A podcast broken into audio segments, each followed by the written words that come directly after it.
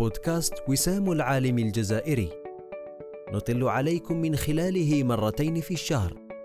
لنقرأ لكم من الموسوعة التي عكفنا على إنجازها منذ ثلاث سنوات وأسميناها خريطة العلم الجزائري. لنقرأ لكم عن عالم من علماء الجزائر ما أنجز وقدم من أجل الوطن. نقرأ لكم لإحياء الأمل في النفوس. لنردد معكم نعم للجزائر علماؤها. بودكاست وسام العالم الجزائري مرتين في الشهر أيام الأربعاء. العدد الثالث عشر حول المسيرة العلمية للبروفيسور إبراهيم بن بكير بحاز خبير التاريخ الإسلامي الوسيط. الجزء الثاني إبراهيم بحاز العالم في تواضعه العامل في حلمه. هكذا خبرته. إني والله لعلى مذهب المتنبي في قوله أصادق نفس المرء من قبل جسمه وأعرفها في فعله والتكلم. وأزيد عليه بأني أعرف الصديق في تركه وصمته في وقفته وموقفه. في فكره ورأيه في علمه وعمله عند فرحه وحين غضبه. لهذا أقول متحريا الصدق فيما أقول. إني أعرف الناس بالدكتور إبراهيم بحاز ولا فخر. فلقد خبرته يوم الظعن ويوم الإقامة في الرخاء وفي الشدة حين يجد الجد وحين ينبسط الجمع.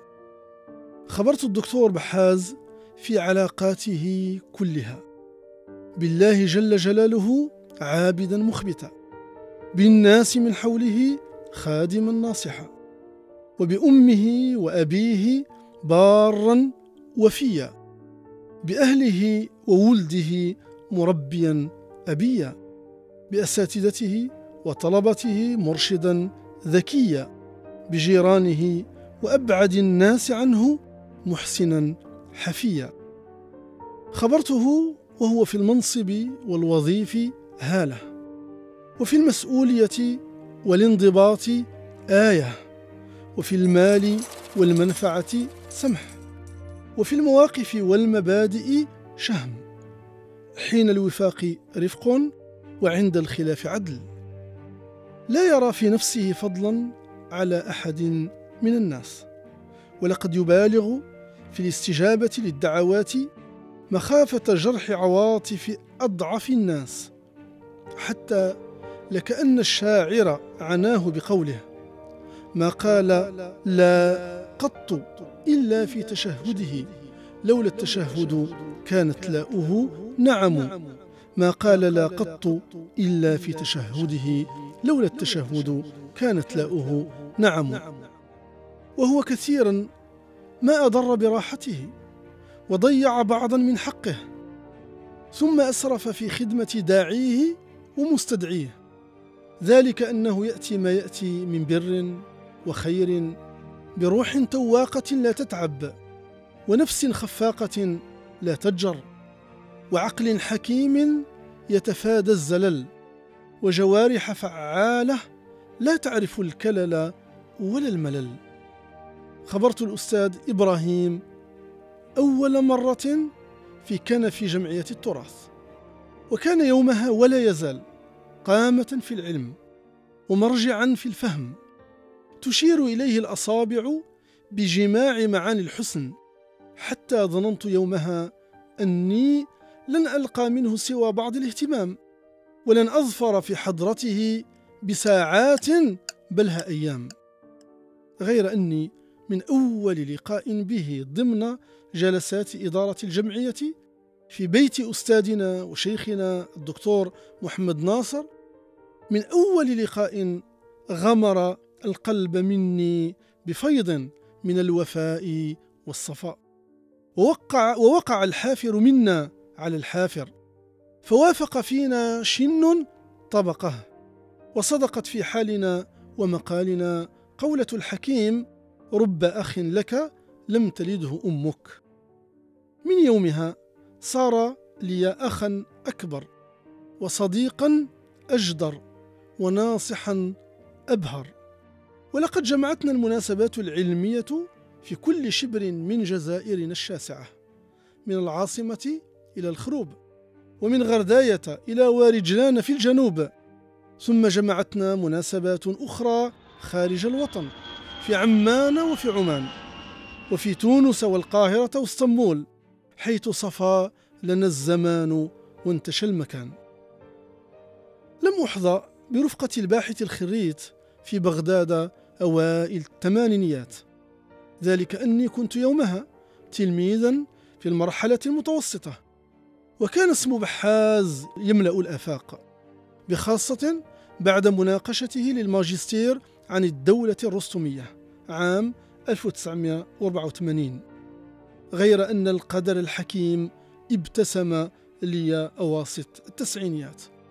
فرافقت أطروحته للدكتوراه خطوة خطوة بخاصة عند تفرغه في المكتبة الوطنية بالعاصمة لجمع المادة الخبرية وسكناه معي في بيت المرحوم عيسى وموسى محمد إلى جوار قاعة ابن خلدون ثم حين أقدم على تصفيف بحثه ومراجعته وتنضيده وطباعته شاء الله تعالى أن يكون ذلك في منزلنا ببحن نوح في بني يزقن وأخي جابير كان يومها الساعد والمساعد في الرقن والضبط والتصميم والطبع.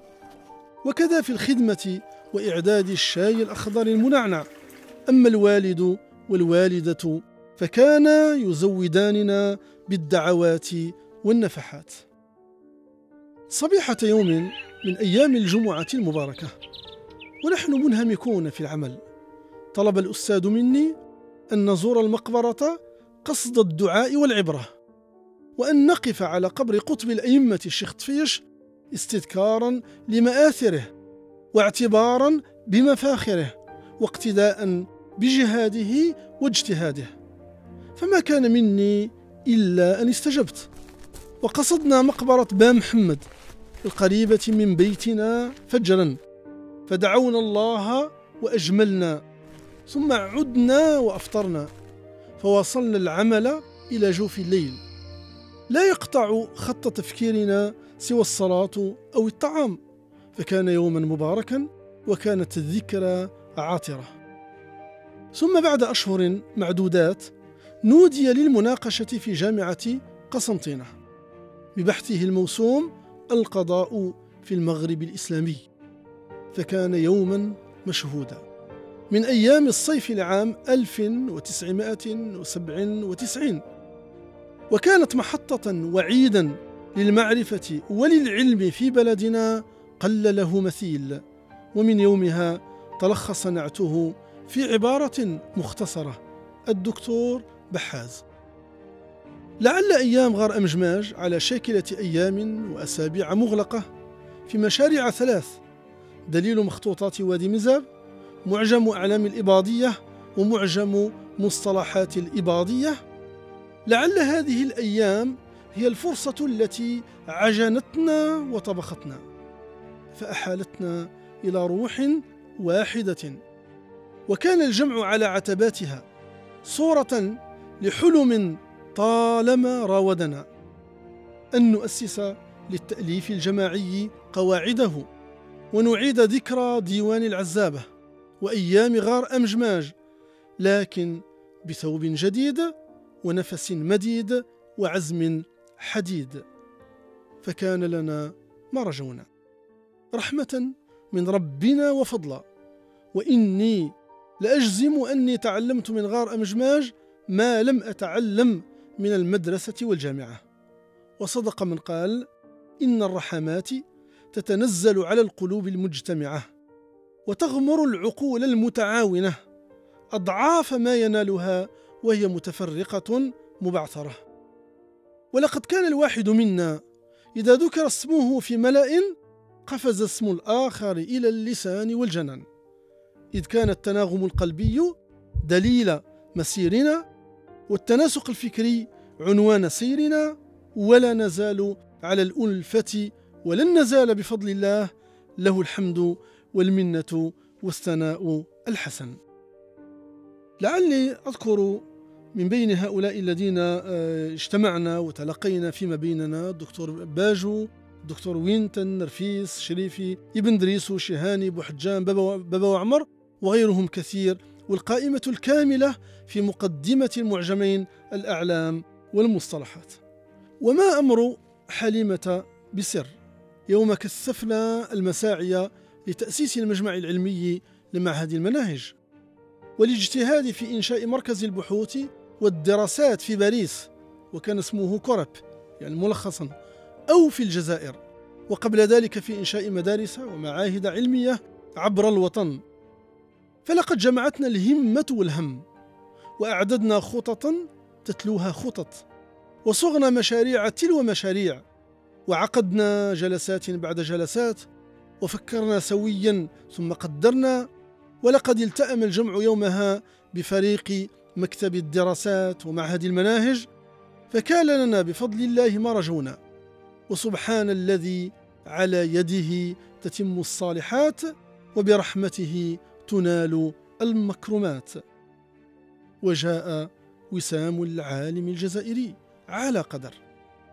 فكان بحاز مرجعا يوم التأسيس بخاصة وأن أول المكرمين كان العلامة أبو القاسم سعد الله شيخ المؤرخين الجزائريين رحمه الله الذي عرفناه من خلال بحاز وتعرفنا أكثر على بحاز من خلاله.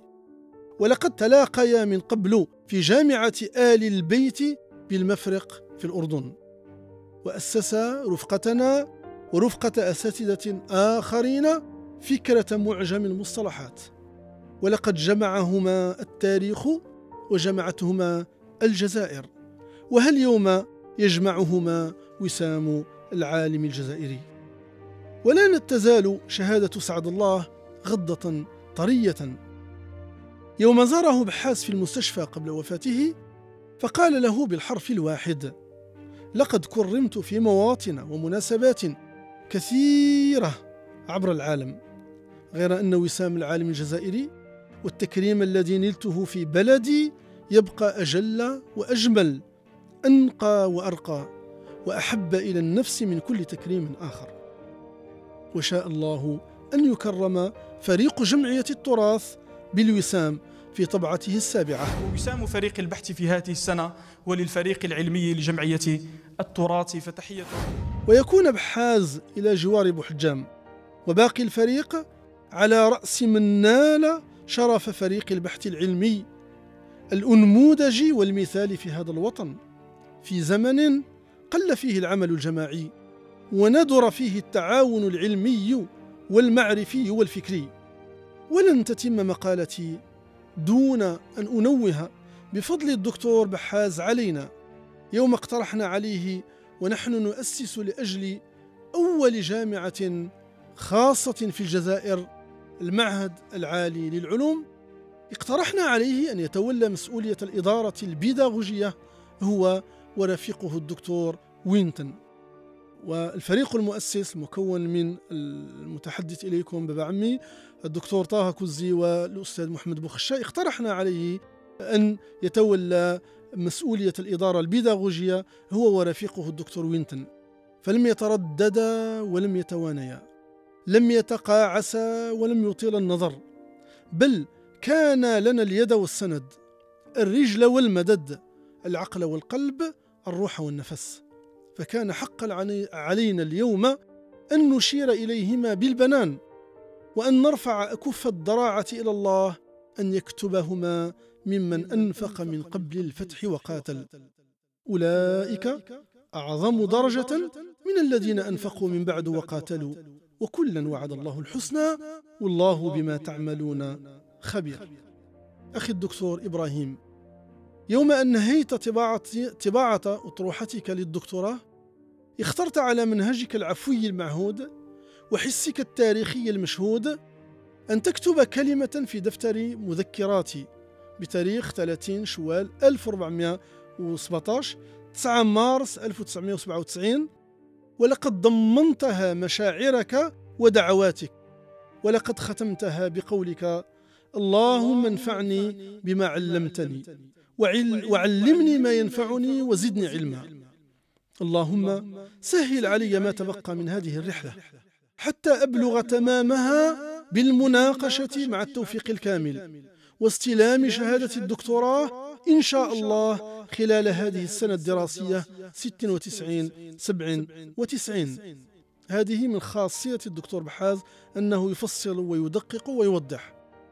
ثم واصل وكتب اللهم أسألك أن تجعل ثواب هذا العمل في ميزان حسناتي وتجعله في ميزان حسنات زميلي وأخي الأستاذ محمد بن موسى بابا عمي حفظه الله وأسرته كلها فردا فردا من كبيرهم أبينا الحج موسى بابا عمي إلى صغيرهم ابننا الربيع ابن محمد بابا عمي وكان يومها في شهور يعني صبي في شهور مرورا بأخينا جابر ابن الحاج موسى بابا عمي. اللهم احفظهم جميعا. وارعهم بعينك التي لا تنام. وبلغهم آمالهم برحمتك الواسعة. يا أرحم الراحمين. أقول ها قد تسارع الزمن. وناقشت بحثك. ونلت الشهادة. ثم ارتقيت في الدرجات العلمية. وترأست أقساما للتاريخ عبر العالم. وألفت كتبا. وأعددت موسوعات وأشرفت وناقشت ثم طلبت التقاعد بل التقاوم أخيرا لتتفرغ للبحث العلمي. أخي الدكتور إبراهيم بحاز لا تزال الأيام بحول الله تعالى رأس مالك النفيس. تستثمرها كعادتك في العلم النافع وفي التداول والتعاون الرافع وفي نشر المعرفة وخدمة أهلها وفي زرع بذرة الخير والاعتناء بها.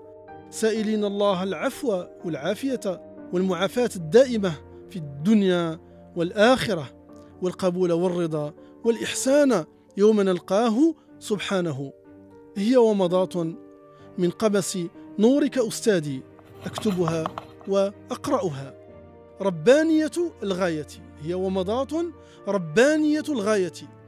ملائكية المقصد إيمانية الصبغة أخوية الوشاج فتقبلها هدية من مقصر ووصلا من منتصر أي منتصر لك ويدا من محب وهدية من صفي.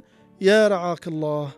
يوم 25 آه، رجب 1442 9 مارس 2021 معهد المناهج برج البحري الجزائر العاصمة. أقول عندما كتبت هذه المقالة وأنهيتها كتبت 9 مارس. وعندما عدت لما كتبه الدكتور بحاز في المذكرة وجدت بأنه كتبها في 9 مارس. ولم أقصد يعني التاريخ فسبحان الله الذي لا تبدو له البدوات ولا يخفى عليه شيء. إذا آه، هي قراءة في آه، مسيرة الدكتور بحاز. جاءت ضمن أمل ورجاء عندي.